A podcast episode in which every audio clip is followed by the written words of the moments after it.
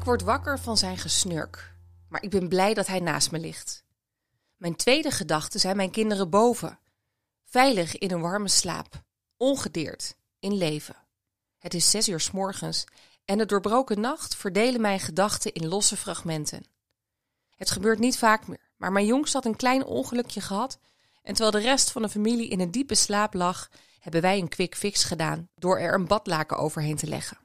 Ik gaf haar een aai over haar slaperige bol en zei: Maakt niet uit, lieverd. Kan gebeuren. Ga maar weer lekker slapen.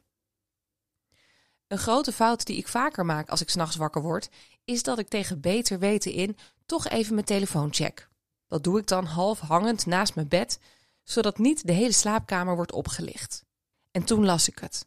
Het vreselijke bericht. 19 kinderen en twee volwassenen omgekomen bij een schietpartij in Texas. Mijn hart staat letterlijk even stil. Ik leg mijn telefoon weg, ogen dicht. Wederom een onwerkelijk drama. En ik denk aan die ouders. Zij hebben hun kind die ochtend niets vermoedend naar school gebracht. Misschien nog wel even teruggeroepen voor een achtergebleven rugzak, waardoor ze een extra kus konden geven. Kinderen lopen weg, verdwijnen uit zicht en worden door een vrolijke leraar bij de deur opgevangen. Als ouder zwaai je dan altijd nog een keer, want dat doe je gewoon. Ook al wordt die laatste zwaai niet bereikt.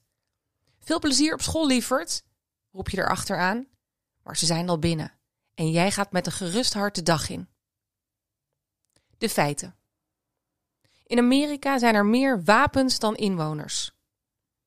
In de afgelopen 47 jaar zijn er meer Amerikanen door gewapend geweld om het leven gekomen dan er in totaal zijn gedood in alle grote oorlogen waar de VS bij betrokken was.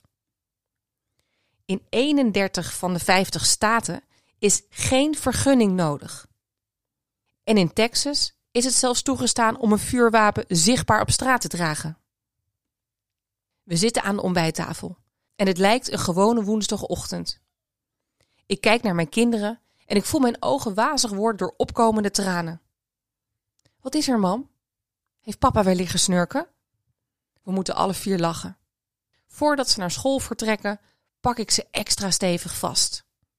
En ik denk aan die ouders. 22 ouders die dat nooit meer kunnen.